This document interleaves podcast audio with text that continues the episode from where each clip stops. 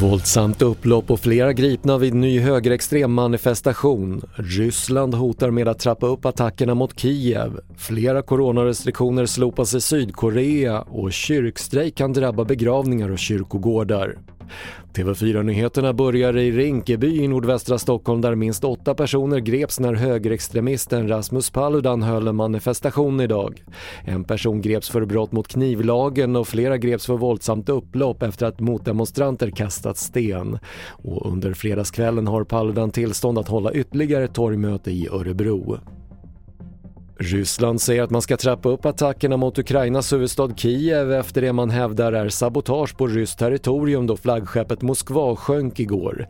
Ukraina säger sig ha beskjutit fartyget men nu tvistar Ukraina och Ryssland om vad som sänkt det och så här säger vår utrikeskommentator Jonas Björk om vad förlusten innebär. Det här är ett av den ryska flottans allra största krigsfartyg med en enorm eldkraft i form av robotar som kan riktas mot land, sjö och luftmål.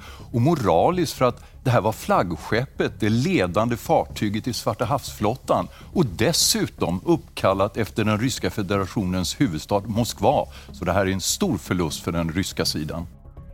Sydkorea lättar nu på de flesta coronarestriktionerna. Från och med nästa vecka slopas gränsen på max 10 personer på evenemang inomhus och barer, kaféer och restauranger får åter hålla öppet efter midnatt. Kravet på munskydd inomhus är däremot kvar men myndigheterna säger att det snart också kan tas bort om smittspridningen fortsätter att minska. Och begravningar och kyrkogårdar kan drabbas när Kommunal varslar om strejk för sina medlemmar inom Svenska kyrkan. Det är förändringar i medlemmarnas arbets och lönevillkor som får facket att hota med strejk vilket skulle vara den första i Svenska kyrkans historia. Det är absolut första gången vi behöver varsla om konflikt med Svenska kyrkan och vi tycker det är trist att vi ska behöva vidta den här åtgärden som vi tycker är någonting självklart.